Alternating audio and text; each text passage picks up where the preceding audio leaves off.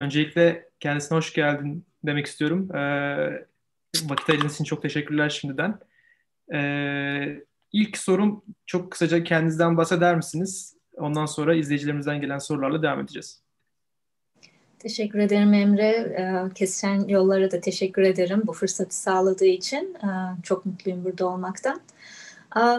Dediğim gibi e, adım Deniz İgan, e, ekonomistim. Türkiye'de e, Ege bölgesinden, Denizli'den e, geliyorum. Ailem hala orada. E, Anadolu liseleri hala e, benim okuduğum döneme kadar e, zamandan beri değişmiştir ama e, Denizli'de Anadolu Lisesi'nde e, eğitim gördüm. Arkasından Bilkent Üniversitesi'nde e, ekonomi eğitimimi tamamladım. E, onun arkasından da Amerika'ya, e, Princeton Üniversitesi'ne e, ekonomi doktorası için geldim. Doktoramı tamamladıktan sonra da e, IMF'de çalışmaya başladım. E, bu uzun zaman oldu. 15 yıldır şimdi IMF'deyim. E, değişik bölümlerde, değişik rollerde. E, şu anda da sistemik e, e, konular e, bölümünde, e, araştırma bölümünde görev yapıyorum e, bölüm şefi olarak. Çok teşekkürler cevabınız için. E, ilk sorum Bilkent Üniversitesi'ni ve ekonomiyi nasıl seçtiniz? E, karar verirken çok bilinçli kararlar mıydı yoksa e, o zamanki yaşın getirdiği bilinçsizlik veyahut da tecrübesizlikle girdiğiniz bölümler miydi? Yani çok net bir karar mıydı yoksa değil miydi onu öğrenmek istiyorum. Um, bilinçli bir karardı uh, söylemem gerekirse. Yani bildiğiniz gibi Türkiye uh, ekonomisi krizlerden uh, geçen bir ekonomi. Uh, özellikle 80'lerde, 90'larda sonra 2000 e, ilk ilk başlarında e, IMF programlarıyla geçen bir süreç. Yani büyürken her zaman ekonomiye bir ilgim oldu zaten. Gazeteyi açıp e, enflasyon haberlerini okumak, işte IMF 2000 geldiğini okumak e, ilginizi arttırıyor doğal olarak. Ama hem hem annem hem babam öğretmen benim. Onların da katkısıyla, e, sormalarıyla ne nerede ilgim var, e, ne yapabilirim. O e, hem çünkü sadece ekonomi değil politikaya da ilgim vardı büyürken. Onları birleştirebilecek hangi alan olabilir? Hem sosyal bilimler açısından ama onun dışında biraz daha böyle sayılarla, matematikle ilgilenen bir alan. O yüzden ekonomiye epey bilinçli girdim demem gerekir.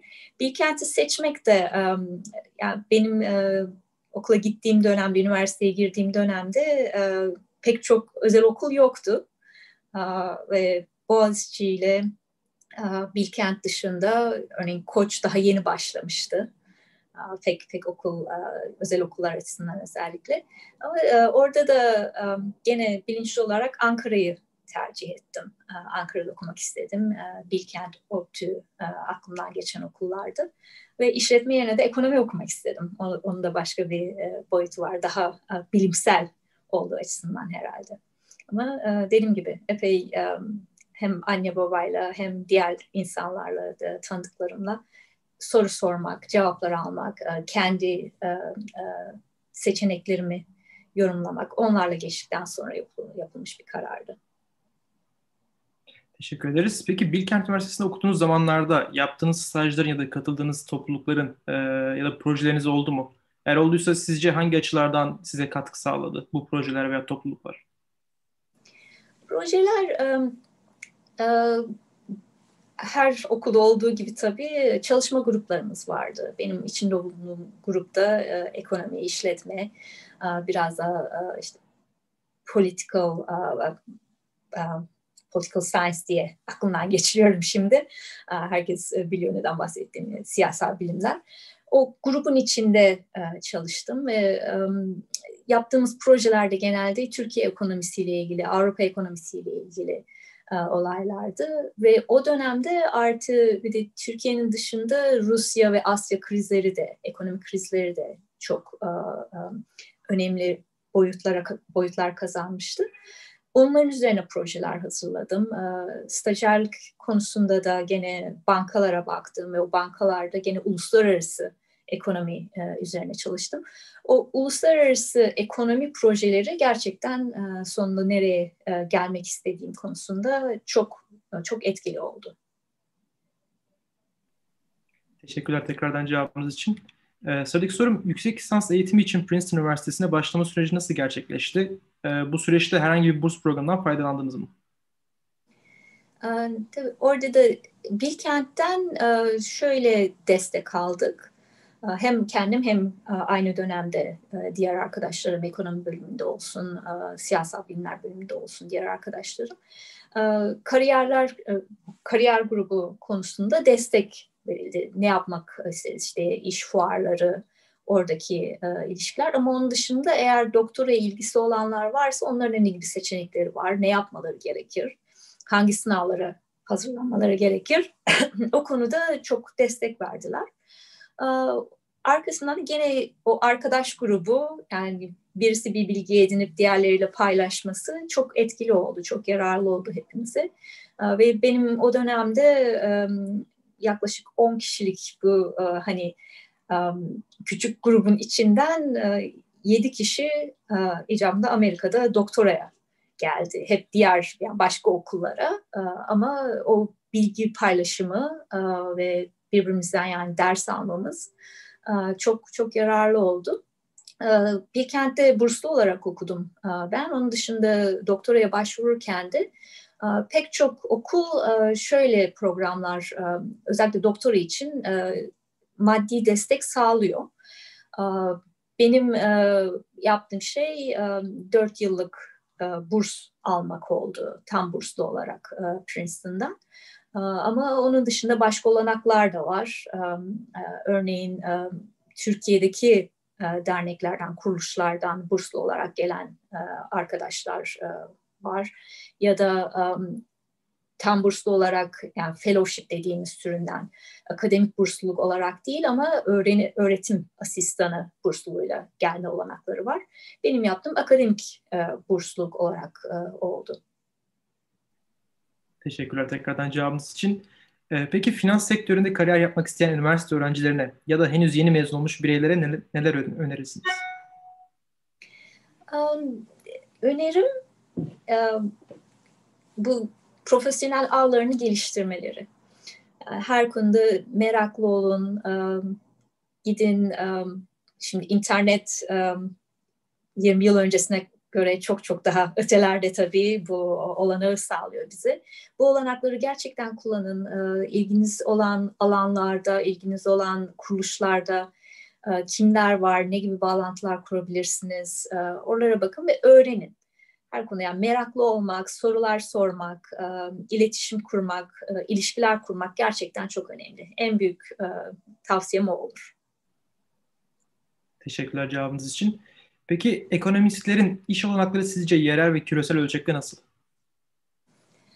Um, şimdi içinde bulunduğumuz uh, durum aslında gerçekten çok ilginç. Uh, bildiğiniz gibi uh, korona virüs yüzünden uh, bu yaşadığımız pandemi durumda ekonomi genel olarak küresel ekonomi genel olarak uh, iyi bir durumda değil ama umuyoruz ki uh, biraz daha iyileşecek gelişmeler bir gün iyi bir gün kötü ama e, umarız e, önümüzdeki yıl örneğin her şey çok daha e, iyi olacak. Ve bu ortamda gördüğümüz belli sektörlerde daha fazla kötü etki oldu. Örneğin bildiğimiz gibi eğitim konusunda olsun ya da gel böyle restoranlar, barlar ya da oteller Oralarda epey epey kötü bir durumla karşılaştılar. Ekonomistlerin pek çoğu benim de şu anda yaptığım gibi evden çalışma olanı olduğu için o kadar fazla etkilenmedik. Ve artı ilgi arttı yaptığımız işe. Ne zaman zaten bir kriz olsa ekonomide bunalım etkileri görülmeye başlansa ekonomiye ve ekonomistlerin analizlerine olan e, ilgi artıyor. E, ve şu aşamada örneğin yani ben IMF'de bulunduğum yerde e, biz e, bakıyoruz yeni mezunlara, e, kendi başka yerde kariyer yapmış olanlara şu anda iş olanakları e, açık. Aynı şekilde merkez bankalarında örneğin e, ve 2008 ile karşılaştırdığımız zaman o zaman belki derdik yani ekonomist olarak biraz um, ne beklentileriniz varsa onları biraz aşağıya çekmeniz gerekebilir. Çünkü o finans sektörünü e, kötü etkileyen bir durumdu. Ama e, bu bulunduğumuz aşamada gerçekten e, belki şanslı e, olduk ve o kadar kötü kötü etkilenmedik. E, dediğim gibi pek çok iş yeri e, ekonomistlere bakıyor ve e, iş bulma olanakları benim gördüğüm kadarıyla e, diğer sektörlere göre daha iyi şu durumda. Peki IMF'de kariyerinizin 15. Yılında, yılınızdasınız e, ve şimdilerde bölüm şefi olarak çalışmaktasınız. E, ilk işi bulmanız ve e, girmeniz nasıl gerçekleşti? Ne gibi zorluklarla karşılaştınız? Um, ya gene um, bahsettim profesyonel ağlardan bağlantı kurmaktan bahsettim. Benim IMF'de e, işe girmemin en büyük etkisi yine oradan oldu. Bilkent'ten Princeton'a gelmemde okulun desteği olduğu gibi Princeton'dan IMF'ye geçmemde de Princeton'ın e, desteği e, oldu. Şöyle orada da kariyer grubu hem tavsiye verme hem öğrencilerin bağlantı kurmasını sağlamak açısından pek çok olanak sürüyor. Artı IMF ve başka işverenlerde bazı okullara, pek çok okullara e, kariyer için, e, konuşmalar için, kendilerini tanıtmak için ve insanları başvuruda bulunmaya teşvik etmek için e, geliyorlar.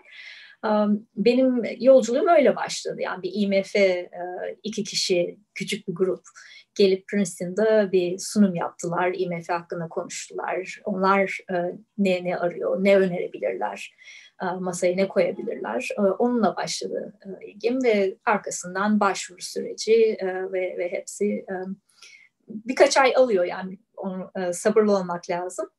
Ama onun onun sonucunda hem Princeton'daki bağlantılarla hem de IMF'nin bu dışa yönelik etkili etkinlik, etkinlikleriyle oldu. Zorluklar açısından yani başka bir ülkede yalnız başına olmak e, kolay değil. Ama şöyle bir avantajı avantajı var IMF'nin. Diğer işverenlere göre kendisi zaten uluslararası. Ve benim en büyük destek grubum özellikle başladığım sıralarda, ilk yıllarımda e, benimle birlikte başlayan insanlardı. Ve dünyanın dört bir yerinden kelimenin tam anlamıyla dünyanın dört bir yerinden oraya gelen insanlar. E, kimileri en azından benim şöyle bir avantajım oldu. E, Washington'dayız. Princeton yaklaşık 3 saat trenle. Amerika'ya bir bilmişliğim vardı. Ama benim o ilk başladığım grupta IMF'de Amerika'ya ilk kez gelen insanlar da vardı. Onlarla bir arada olmak gerçekten o geçiş sürecini kolaylaştırdı benim için. Teşekkürler tekrardan cevabınız için. Sıradaki sorum yüksek lisans ve doktora eğitimleriniz süresince çalışma alanınızın daha çok hangi konuların odağındaydı ve bu çalışma konularının iş ve akademik anlamda güncel nitelik taşıması önemli miydi? Um, ben kendim uh, yani genel olarak bankacılık üzerine bilgim vardı. Uh, şunu da söyleyeyim hani ilk e, Bilkent'ten Princeton'a ilk e, geçtiğimde daha böyle uluslararası ticaret üzerine çalışmak e, istiyordum. Kafamda olan oydu. E, ama oradaki işte seminerler, konferanslar, e, e, öğretim üyeleriyle tartışmalar beni daha bankacılığa, finans e, boyutuna yönlendirdi. E, gene uluslararası kısmı kaldı e, ve en çok e, ilgimi çeken konular finansal krizler ve bankalar hem krize nasıl neden olabilirler ve krizden nasıl çıkabilirler o konularda e, çok çok çalıştım. E, o dönemde güncel konu olması belki tam anlamıyla güncel değildi e, ama küresel finans krizi geldiği zaman tam anlamıyla yani güncel boyuta oturdu banka bankacılık özellikle, özellikle uluslararası bankacılık. Şu, şu aşamada da yani içinde bulunduğum ortamda sürekli güne başlamamız bizim ne olup bitiyor, ekonomi nereye gidiyor, finans marketler ne, ne yönde gidiyor. O yüzden güncel sorular sormak, güncel gelişmelerle iç içe olmak önemli. Yani o, o konuda özellikle özel sektör ya da benim gibi uluslararası şirketler ya da başka um, daha çok böyle uh, politika iç içe olan yerleri düşünenler varsa çok önemli güncel gelişmeleri takip etmek ve onlarla ilgili araştırma yapmak, o sorulara yanıt vermeye çalışmak. Daha akademik boyutlarda düşünenler varsa orada biraz daha yani um, um, tarihsel olaylara bakmak o kadar sorun olmayabilir ama iç içe olduğunuzda sorulan sorular her zaman güncel boyutta oluyor ve yaptığınız araştırma, uh, aldığınız eğitimde o güncel sorulara yönelik oluyor. Teşekkürler tekrardan. E, chatten bir soru geldi. E, direkt soracağım. E, IMF'de maaşlar ABD standartlarına göre nasıl diye sormuş. Yani direkt miktar belirtmeyin ama bir karşılaştırma yapabilirsiniz belki. IMF uluslararası dediğim gibi. Amerika'da, Washington'da pek çok kişi çalışan. Ama onun dışında başka yerlerde de IMF ofisleri var. Örneğin Singapur'da, örneğin Japonya'da, Viyana'da, Afrika'da, Latin Amerika'da da başka ofisler var. Um, ve buna bağlı olarak yani maaş sistemleri de uluslararası boyutları yansıtıyor. Yani sadece kısa yanıt, e, sadece Amerika'daki um, um, maaş sistemi değil ama Avrupa'daki de, Asya'daki de uh, işin içine giriyor ve sonuçta uluslararası bir um, um, iş uh, iş takımı kurmaya çalıştıkları için bütün bunları düşünmeleri gerekiyor. Teşekkürler tekrardan. Yine gelen sorulardan biri. Ee, sizce 10 yıl sonra hangi ülkenin ekonomileri dünyanın en büyük 5 ekonomisi arasında yer alacak? Keşke yani biraz daha um, bilsek herhalde hepimiz bir pozisyon alıp ona, ona göre yapacağız. Um, kolay bir soru değil. Um, genelde benim uh, deneyimimde uh, yani tarihsel boyutlarına baktığınızda görüyorsunuz zaten bazı yükselişler, bazı um, yani değişiklikler. 10 yıllık süre içinde çok fazla şeyin değişeceğini sanmıyorum. Yani şu aşamada bildiğiniz gibi Amerika Birleşik Devletleri, Avrupa Birliği ve diğer tarafta Japonya ve Çin temel ekonomik olarak temel ülkeler, büyük ülkeler. Ve 10 yıllık bir süre içinde çok fazla bir değişiklik olacağını düşünmek doğru olmaz ama 100 yıl, 200 yıldan bahsediyorsak tabii çok daha farklı bir durum. Örneğin baktığınızda yani Amerika Birleşik Devletleri'nin yükselmesi ancak um, şey, 1900'lerden sonra olan bir şey. 1950'den sonra iyice um, uh, kazanan bir şey. Um, 100 yıl sonra ne olur onu bilemeyiz tabii. İşin içine nüfus planlamaları şunlar bunlar da giriyor ama dediğim gibi düşün yani günü gününe baktığınızda piyasalar çok oynuyor gibi gözükebilir ama daha bu tür sorular um, e, hangi ülkeler başta olur, hangi ülkeler geride kalır? Bunlar daha yavaş hareket eden şeyler ve çok büyük bir değişiklik göreceğimizi sanmıyorum. Teşekkürler tekrardan. Ee, Kuzey Amerika, Asya ve Avrupa takımlarında yer aldığınızı görmekteyiz ve bu süreçte takımlar arasında çalışma, e, uyumu, dil, eğitim alanlarının farklılaşması gibi e, uyumlar nasıldır? Önemli midir? Siz bu zorluklardan nasıl e, başa çıktınız? Dediğiniz gibi yani şu şu içinde bulunduğumuz dönemde biliyorsunuz her şey küreselleşmiş durumda zaten. Bu bağlantıyı kurabilmemiz benim Washington'dan konuşmam, siz Türkiye'desiniz, daha ya belki Avrupa'dan, Asya'dan bağlananlar var.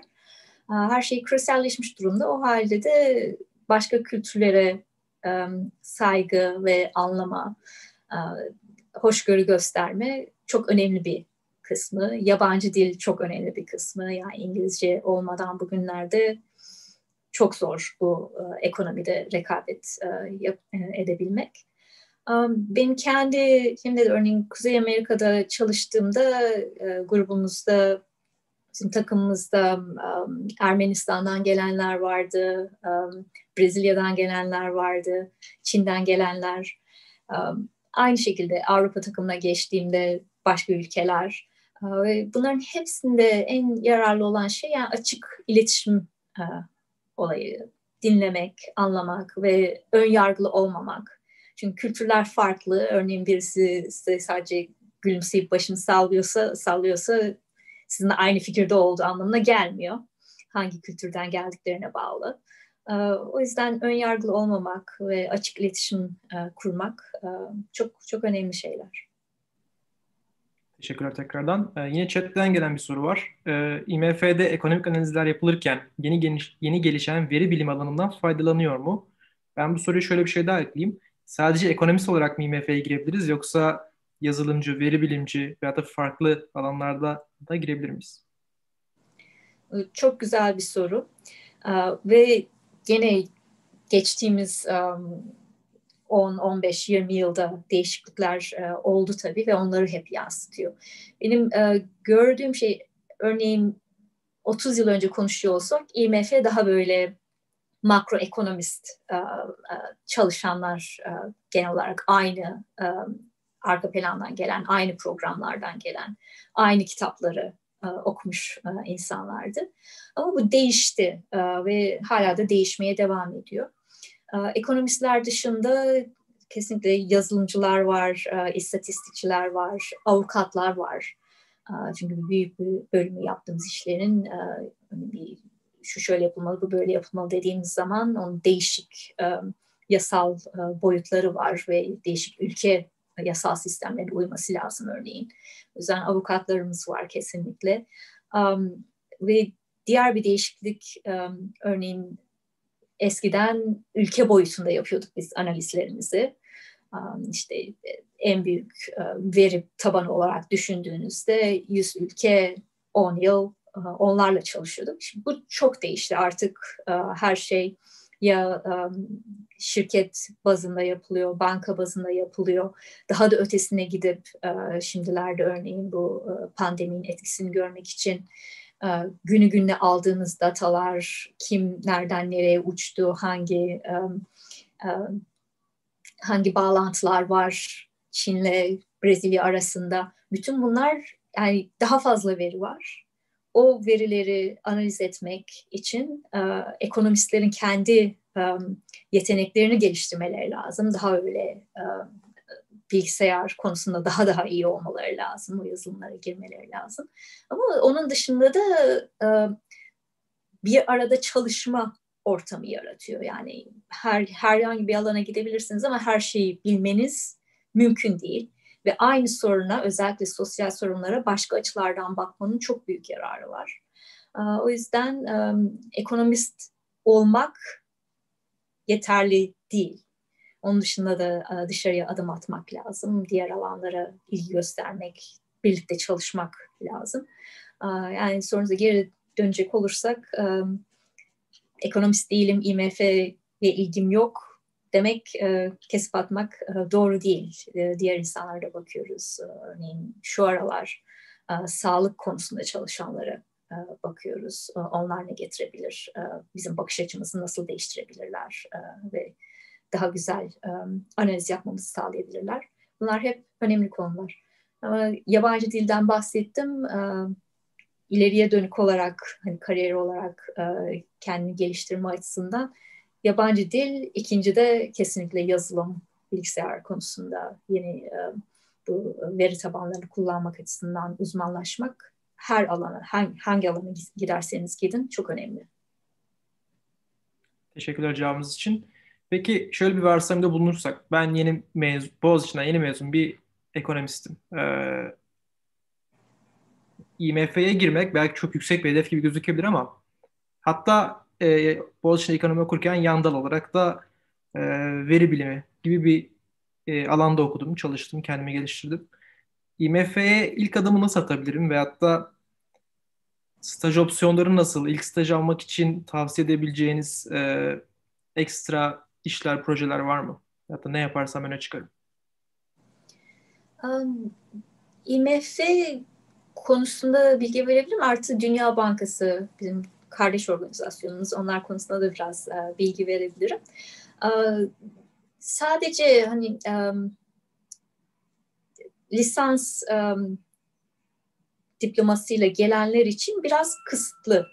Şöyle kısıtlı, e, iki tane program var. E, çok çok iyi hazırlanmış ve birisi tamamen lisans e, mezun olanlar için e, için dizayn edilmiş. Bunda e, IMF'nin web sayfasına gidip oradaki program başvuru adımlarını takip etmek yeterli olur. Ve tüm dünyadan tabii başvurular geliyor. Orada da iyi dil bilme, iyi veri bilimi bilme, artı gösterme yani hem araştırma konusunda, stajlar konusunda e, bu konulara ilgi gösterdiğinizi e, kanıtlama e, önemli boyutlar. İkinci program daha lisansüstü programlara yönelik. Orada benim tavsiyem şey olur eğer ciddi ciddi IMF gibi Dünya Bankası gibi yerleri düşünüyorsanız bir master alma ya da doktora programına girmek şansınızı büyük ölçüde artırır. E, her ikisinde de yani lisansüstü e, eğitim almış insanlar genel tabanı oluşturan kişiler.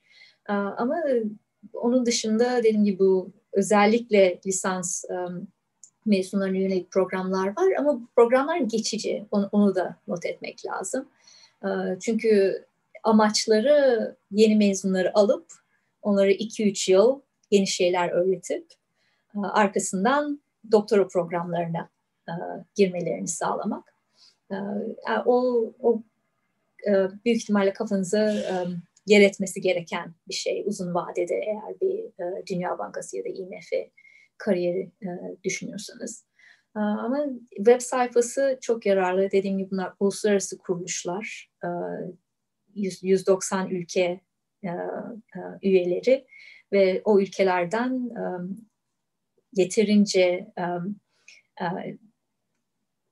almak istedikleri insanlar var ve başvurular herkese açık.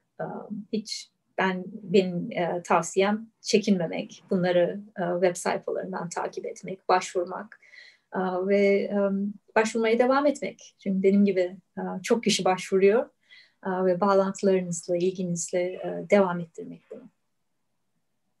Teşekkürler. şu an bölüm şefi olarak çalışmaktasınız. çalıştığınız ekip arkadaşlarınız var. Ekip arkadaşlarınızda veyahut da kendi oluşturduğunuz takımda ki insanlarda aradığınız en temel özellikler neler? İki alan baktığımız, birincisi tabii teknik açıdan iyi olmaları ve teknik açıdan iyi olmak deyince sadece yani ekonomist olarak değil bahsettiğim gibi benim şu andaki ekip arkadaşlarımdan biri veri bilimi mezunu aslında bize data işlerinde veri işlerinde yardımcı olan ekonomiden çok o konuda yardımcı olan birisi. Ve teknik açıdan güçlü olmak olması gereken bir şey. Orada hiç hiçbir soru işareti yok. İkinci baktığımız şey teknik açıdan çok güçlü olabilirsiniz ama takım içinde çalışamıyorsanız bizim için yeterli. Çünkü yaptığımız her iş bir takımla yapılıyor. Bireysel kendi kafamıza göre örneğin akademide kafanızı kapatıp kendi başınıza makaleler yazmak olabilir ama bizim işimizde bu olmuyor. Her şey her şey takım içinde yapılıyor. O yüzden takım içinde iyi çalışabilmek ve orada da gene iletişim işin içine giriyor. Yani birbirini anlamak sadece söz olarak değil ama e, birbirlerinin e, kültürlerini anlamak ve e, ne gibi başka baskılar, iş, iş dışında baskılar olabilir ve onları bir arada göğüslemek. Yani iyi bir takım elemanı olmak en büyük ikinci özellik baktığımız. Teşekkürler tekrardan.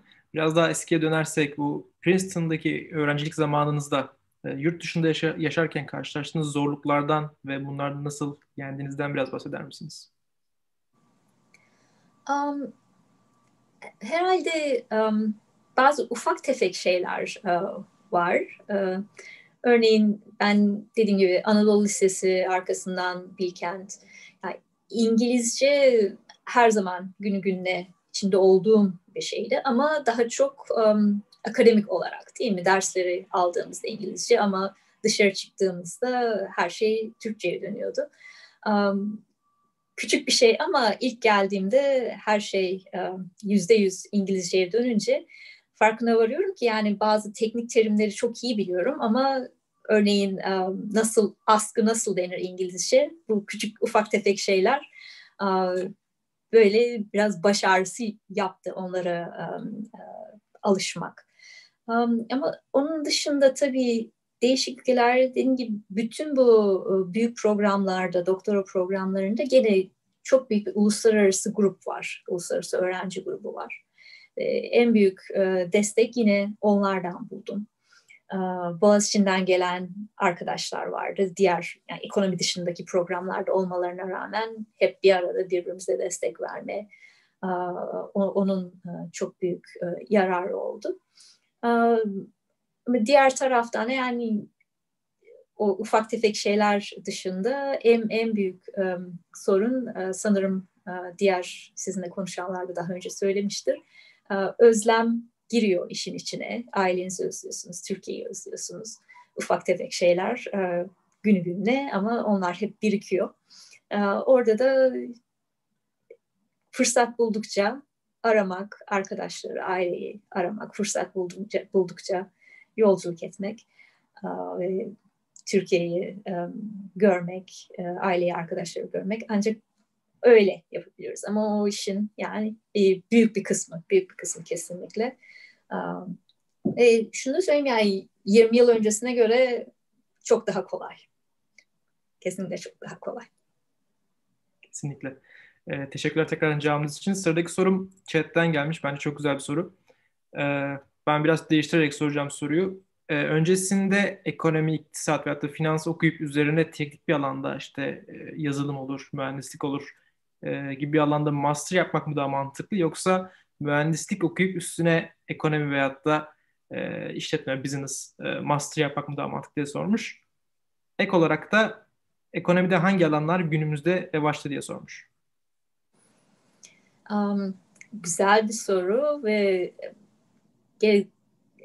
sanırım işler biraz daha değişiyor. Benim, e, benim okulda olduğum zamanda e, matematik ve mühendislikten gelenler, ekonomiye geçiş yapanlar epey vardı. Tersi durumu yapanlar çok az. E, ancak hani ekonomiden gelip biraz daha sosyal alanlara yönlenenler, siyasal bilimler olsun, uluslararası ilişkiler olsun, sosyoloji olsun, oraya biraz daha yönlenenler oldu ama tersini yapanları ben bilmiyorum en azından. Um, şöyle diyeyim, um, o şeyi yapmak, mühendislikten, matematikten, fenden geçiş yapmak, ekonomi ve diğer sosyal alanlara geçiş yapmak biraz daha kolay, kolay oluyor. Çünkü bu bahsettiğiniz daha çok hani veriye dayan, dayanan analizler yapıyoruz bütün bu alanlarda, sosyal alanlarda, şimdilerde.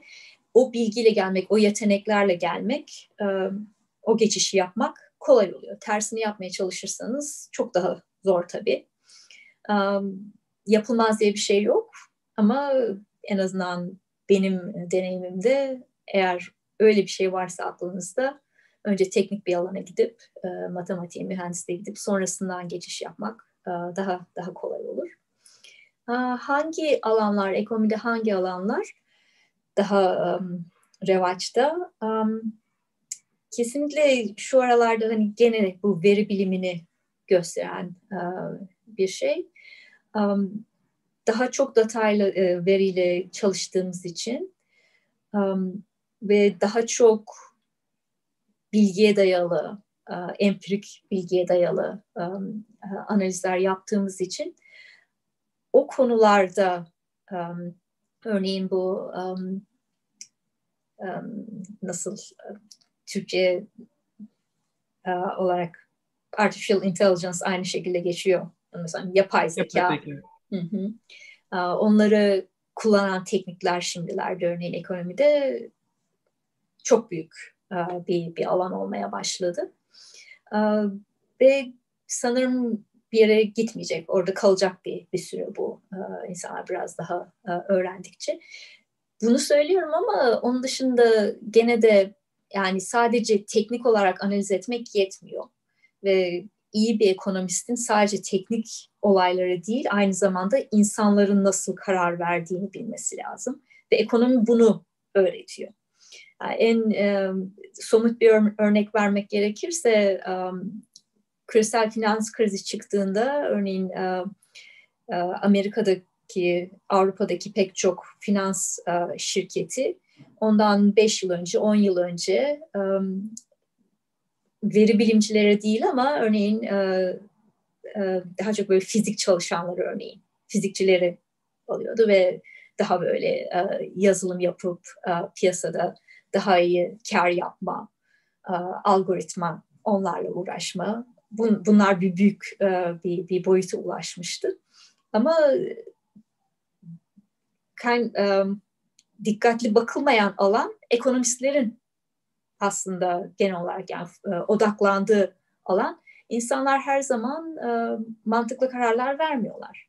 Ve o yüzden matematik kullanarak insanların karar verme boyutlarını modellemeye çalıştığınızda bir aşamada hata yapıyorsunuz. O düşünmediğiniz yani insan hataları ya da duygusal karar verme e, o modelleri e, yararsız hale getiriyor.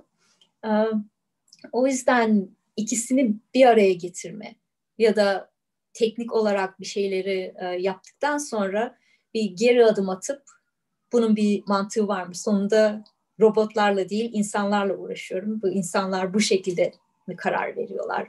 Bu insanlar bunu bu şekilde mi algılıyorlar diye soru sormak ve e, bunları test etmek önemli. Onun dışında da ekonomide e, ekonomide hani çok revaçta olan şey başka bir alan e, bu iklim konusunda, çevre bilimleri konusunda. Çünkü iklim değişikliği, küresel ısınma bunlar bütün bildiğimiz şekilde ekonomik e, dinamikleri de değiştiriyor. E, neyi üretebiliyoruz, neyi tüketebiliriz, e, bütün bunlar da etkilemeye başlıyor ve e, bu yıl örneğin başvuranların e, içinde finans kesinlikle var. E, daha böyle e, yapay zeka teknikleriyle uğraşanlar var, konu ne olursa olsun. Ama iklim üzerinde çalışıp o e, öğrendiklerini ekonomiye e, uygulayanlar da var ve önümüzdeki 5-10 yılda daha da e, iyi olacağını sanıyorum. Teşekkürler tekrardan. Bence de iklim ve ekonomi ikilisi çok böyle niş bir alan ve sayısının az olduğu daha iddialı olunabilecek bir alan gibi geldi bana da izleyenler için. Bence önemli bir ipucuydu. Ee, sıradaki sorum yine chatten geldi. Ee, IMF'nin kripto paralara karşı tutumu nedir? Ee, ciddi bir çalışma yapılıyor mu veyahut da görecek miyiz diye. Yani çok çok güzel bir soru. Yani teknolojik olarak değişiklikler oldukça ekonomiyi ve e, piyasaları bu şekilde de değiştiriyor. E, IMF tabii kripto, e, kripto üzerine çalışma yapıyor ve kendi başımıza da değil e, o alanda. E, araştırma bölümünde bu konuda çalışanlar var. Daha çok böyle e, hani parasal ekonomi açısından gelerek merkez bankaları kripto kullansa ne gibi değişiklikler yapabilirler o, o konularla yaklaşanlar var. Um, artık daha böyle finansal açıdan yaklaşan bir grup var. Uh, onların sordukları sorular uh, daha fazla bu piyasaları nasıl değiştirebilir? Uh, ve eğer finansal uh, örneğin sermaye piyasası onları kontrol eden birisiysem nasıl yapmaya çalışabilirim, nasıl değiştirmeye çalışabilirim? Ama daha büyük sorular da var ve onlara IMF kendi başına uh, cevap veren uh, birisi değil. Uh, şu şu anlamda diğer uluslararası kuruluşlarla, örneğin merkez bankalarının bir araya geldiği bir kuruluş var İsviçre'de. Onlarla yakın olarak çalışıyor IMF. Onun dışında tabii büyük merkez bankalarıyla e, Amerika Merkez Bankası, Avrupa Merkez Bankası, e, Çin, Japonya onlarla da e, kolaborasyon içindeler bu konulara gelince. Teşekkürler tekrardan. Tekrardan size dönersek e, soru, soruyu atladım. E, IMF gibi uluslararası finans kuruluşlarına çalışmak isteyen bir isteyen bireylerin ekonomiyle ilgili eğitim almalarının önemi var mıdır? Aslında bunu sorduk, o yüzden bunu geçiyorum. Ee, bazı soruların tekrardan soruldu veya tekrardan cevaplandı. Ee, o kişiler yayın daha sonra tekrar seyrederlerse cevaplarını alabilirler. Ee, benim size sormak istediğim büyük olsa çok yoğun birisiniz. E, zaman yönetimi için uyguladığınız e, bir yönteminiz var mı? Zamanınızı nasıl yönetiyorsunuz? Veyahut da gününüzü nasıl bölüyorsunuz? Ee, gene güzel bir soru. Ee, bu pandemik öncesinde biraz daha kolaydı um, o dengeyi bulmak. Ee, çünkü icabında sabah kalkıp iş yerine gidip orada e, oturmak, ondan sonra belli bir vakitte eve geri gelmek o bir um, sistem oluşturuyordu. Ee, pandemi geldikten sonra biraz daha zorlaştı bu işler yani. Ben sadece kendim için değil, bütün çalışanlar herhalde bu duruma geldiler. Sabah kalkıp bilgisayarın başına geçip ondan sonra saatin ne olduğunu bilmiyorsunuz, hala oradasınız. Ee, e, ben kişisel olarak yaptığım e, şeyler biraz daha kendimi motive etme artı disiplin e, verme. E, ne olursa olsun gün iç, e, hafta içinde belli bir ritim, rutin oluşturma. Aynı saatte kalkıp kahvaltı arkasından 8'den 12'ye çalışma. O öğle saatini ne olursa olsun öğle saati sırasında hiçbir toplantı, seminer onlara katılmama en, en güzel yapabileceğim şey akş o oluyor. Akşamları öğleden sonrası biraz daha e, zor duruma geliyor. E, yani belli bir yere kadar yapabileceğim. Diğer yaptığım şey de e, cumartesi günleri telefona bakmamaya çalışıyorum. E, en güzeli e, ya da e, gene teknoloji iyi bugünlerde e, hani hangi şeyler e, e, bakmanız gerekir Onları seçebiliyorsunuz. Eğer bir şey bekleyebilecekse bekletebiliyorsunuz. Ee, ama önemli olan şeyin kendinize vakit ayırma, fiziksel olarak bir egzersiz yapma e, ve sağlıklı olmadıktan sonra zaten e, iyi, verimli iş yapmak mümkün olmuyor. Ee, yapabildiğim ve onun dışında da her yaz Türkiye'ye gelmeye çalışıyorum. Ee, en azından bir 2-3 e, hafta. Bazen çok zor oluyor ama dediğim gibi fiziksel olarak yer değiştirme e, bazen e, farklılık yaratıyor ve onları yapmak da e, önemli. Peki geçmişe dönüp bir şey değiştirme şansınız olsaydı neyi değiştirdiniz veyahut da bir şey değiştirir miydiniz? Bilkent değil belki başka bir okul veyahut da finans değil başka bir bölüm. Alanımı seviyorum ve dediğim gibi bilinçli bir karar da olduğu için ona geri dönüp de keşke başka bölüm yapsaydım e, ya da başka bir okul yapsaydım diye düşündüğüm pek olmuyor.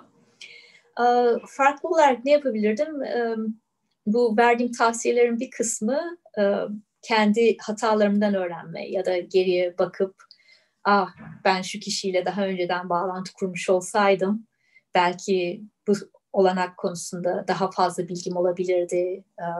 Bu stajyer olanağına, stajyer olanağına başvurabilirdim ya da bu projeye katılabilirdim.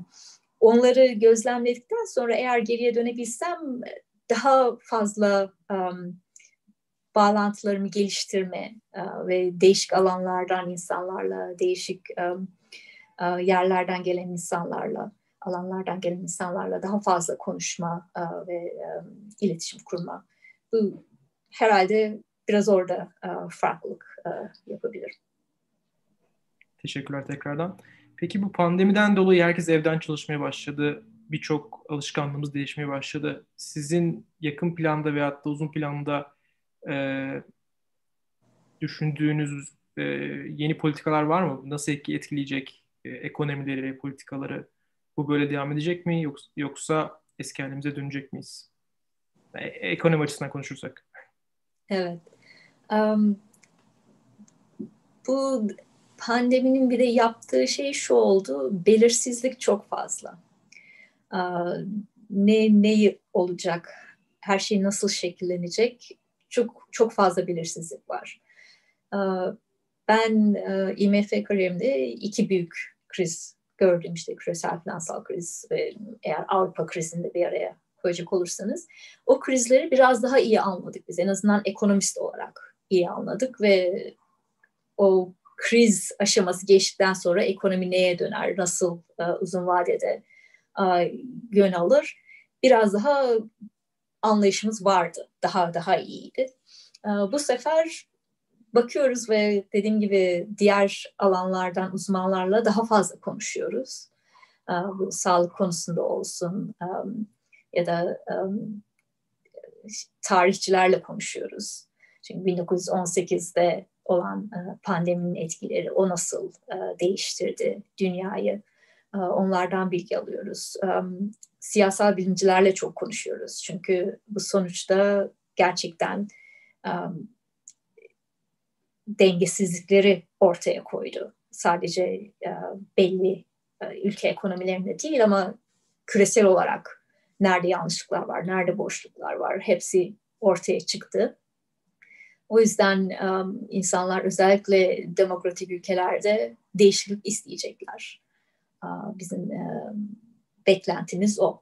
O değişiklik nasıl olur, uh, ne yönde olur, uh, on, onlar konusunda hala belirsizlik var. Uh, umuyoruz ki politikalar, uh, bizim şu anda çalıştığımız politikalar güven oluşturma, bir güven ortamı oluşturma, ve e, değişik ülkelere bakıp e, görüyorsunuz zaten e, bazı hükümetler daha açık ve güvenilir bir mesaj verdiler. Yani bu yeni bir şey bilmiyoruz ama hepimiz aynı ortamdayız, aynı şeylerle karşı karşıyayız ve birlikte bu, bunun üstesinden geleceğiz şeklinde verilen mesajlar daha yararlı oldu. O ülkeler daha iyi um, pandemiyi hem etkisini azaltma hem de ekonomiye olan etkisini azaltma konusunda daha başarılı oldular. Ee, o konuda yani politikalar konusunda da oraya yönlendik. Çünkü sadece dediğim gibi matematiksel modellerinizi yapıp e, verilerinizi analiz edip bir şeyler yapabiliyorsunuz. Ama sonuçta bunlar hep insanlar ve insan toplumları e, belirsizlik olduğu zaman hele hele çok farklı yönlerde e, değişiklikler olabiliyor. E, o yüzden e, bizim şeyimiz sadece ve değişik ülkelerde değişik koşullar var. Haliyle değişik politikalar olması lazım. Ama hangi politika olursa olsun e, onun güven verecek bir şekilde ve biz bu işin üstesinden birlikte geleceğiz şeklinde e, bir mesaj e, yaparak e, o politikaları hayata geçirmek en önemli nokta olarak gözüküyor şu anda bize. Teşekkürler tekrardan. Ee, benim iki tane sorum var. Bence zor sorular. Ee, ilki bu yeni gelişen teknolojiler, yapay zeka olsun, e, benzer teknolojiler bir anlamda birçok eski işi ortadan kaldırıyor. Ee, ama bazı araştırmalar gösteriyor ki bir iş kolu kaybolurken onun yerine e, iki, üç yeni iş kolu ortaya çıkıyor. Atıyorum bir kamyon şoförü işte, kendi kendini sürebilen araçlar yüzünden işini kaybederken e, işte veri bilimci, işte başka yazılımcı pozisyonlar açılıp daha yeni iş kolları yaratılıyor. Sizin bu gelişen teknolojide bu iş değişimi konusuna bakışınız nasıl? E, birinci sorun bu. İkincisi de bunun Türkçesini bilmiyorum ama Universal Basic Income herhalde e, konusuna bakış açınız nasıl? Um, ilk ilk konuda gene tarihsel olarak bazı şeyler yararlı oluyor. Bahsettiğiniz um, değişiklikler, şimdi teknoloji, yapay zeka, işte robotların uh, fabrikaları ele geçirmesi bir, bir anlamda. Uh, bunlar önemli gelişmeler şu anda bizim yaşadığımız. Ama geriye dönüp baktığımız zaman 1700-1800'lü yıllarda endüstri devrimi aynı şeyi yaptı. Bütün bu uh, tarımda çalışan insanların işlerini kaybetmeleri ya da daha artizan çalışan insanların hani bir masayı kendi başına yapan bir marangoz o bir fabrikaya dönüştüğü zaman beş kişi yerine bir kişi aynı şeyi yapabilecek duruma geldiğinde o da bu değişikliklere uh, yol açtı. Ve gene tarihten gelen gelen ders kolay değil bu değişiklikler. Kolay değil e, o, o e, transformasyonu gerçekleştirmek. Um, yapabileceğimiz e, sürekli adapte olmak ve eğitim sistemini öyle oluşturmamız lazım ki öğrenciler sadece günü gününe olan bilgiyi değil ama öğrenme yeteneğini geliştirmeleri gerekiyor. Yani bu eskiden beri bilinen bir şey ama şimdiki durumda yani beş yıl önce kullandığımız telefonu kimse dönüp bakmıyor şimdi. Her şey o kadar hızlı değişiyor ki o adapte olabilme, e, yeni değişiklikleri e, e, benimseme çok daha önemli hale geldi. O yüzden sadece ben işte stata biliyorum, başka bir şey öğrenmeme gerek yok olmayacak. Onun yerine statayı biliyordum, şimdi R öğrendim, şimdi Python'a geçiyorum ve yeni gelen ne varsa o temeli alıp onları değişik durumlar geldikçe uygulayabilmek önemli olan o olacak. Ve orada yani hükümetlerin de yapabileceği şeyler var. Bu tür eğitim olayı kesinlikle. Ama onun dışında da işini kaybedenlere destek verip çünkü insanlar icabında 30 yaşında, 40 yaşında, 50 yaşında kaybediyorlar işlerini. Onların okula geri dönmeleri mümkün olmayabilir. Hükümetlerin orada bunlara destek olmaları mantıklı. Hem yani sosyal huzur ve uyum açısından da önemli. İkinci soru neydi tekrar hatırlayabilir misiniz? Universal Basic Income. Evet, hmm. Evrensel temel gelir evet. geçirilebilir belki. Evet. Um, belki bilmeyenler için uh, kısa açıklama herhalde ya da basit bir açıklama. Bu iş gerekliliği olmadan, işsizlik sigortasının ötesinde bir şey ve iş gerekliliği olmadan uh, her uh, vatandaşın belli bir gelir uh, edinebilmesi. Hala yani ben anladığınız kadarıyla şimdi de veriye dayanı, dayanan ve iyi analize dayanan politikalar yapılması gerektiğini düşünen birisiyim. Böyle bas, uh, temel gelir olarak düşündüğünüz zaman uh, belli bir şeyi var yani albenisi var ve yararlarını görebiliyoruz ama biraz daha öğrenmemiz lazım. Çünkü en büyük um, sorun, çıkabilecek sorun e, şöyle bir şey. Eğer insanlar belli bir temel gelir garanti edilirse çalışmaktan vazgeçebilirler mi? Daha az çalışabilirler mi? Ya da eğitimlerine daha az yarar e, görebilirler mi? Öyle bir risk olabilir. Şu ana kadar benim gördüğüm e, veriler öyle göstermiyor. Tam aksine Afrika'da örneğin bazı deneyler yapıldı. Orada temel gelir verildiği zaman insanlar aksine daha e, girişimci oluyorlar. Daha fazla risk alıyorlar, daha üretici olmaya başlıyorlar ve aslında eğitimlerine daha fazla yatırım yapıyorlar. Ama dediğim gibi daha büyük yani bunlar 100 e, kişilik 100 e, kişinin yaşadığı köyde yapılan çalışmalar şimdiye kadar bildiğimiz. Onu daha büyük boyutlarda yapmamız lazım ve bazı bazı ülkeler başladı biraz biraz e, öğreneceğiz. Göreceğiz artık. Teşekkür ederim tekrardan. Ee, son sorumuz sizin Türkiye'deki gençlere tavsiyeleriniz nelerdir? Tavsiyelerinizi alırsak yayını kapatabiliriz. Um, tavsiyelerim gene biraz tekrar edeceğim ama e, eğitiminize çok büyük önem verin. Um, o bilmediğiniz, e, şimdi hayal edemediğiniz kapıları açan bir şey. Ve diğer önemli olan şey eğitimle ilgili um, her şeyi kaybedebilirsiniz ama eğitiminizi kaybetmeyeceksiniz. Bu sizinle olacak. O yüzden gerçekten çok büyük önem verin. Bunu ne kadar daha vurgulayabilirim bilmiyorum ama eğitim gerçekten gerçekten çok önemli.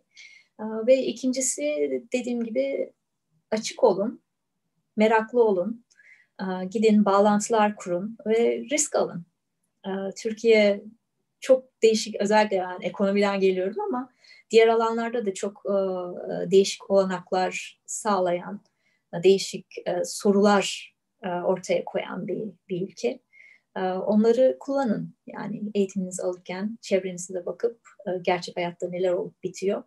E, onları bir araya koyup e, dünyaya açılmak en büyük tavsiyem bu. Tekrardan çok teşekkürler. Hem vakit ayırdığınız için hem sorularımızı cevapladığınız için. Benim için keyifli bir sohbet oldu. Umarım sizin için de keyifli geçmiştir. E, son eklemek istediğiniz bir şey yoksa yayını kapatabiliriz. Çok teşekkür ederim tekrar. Çok keyifli oldu. Teşekkürler. Teşekkür ederiz. Güzel herkese iyi akşamlar. Görüşmek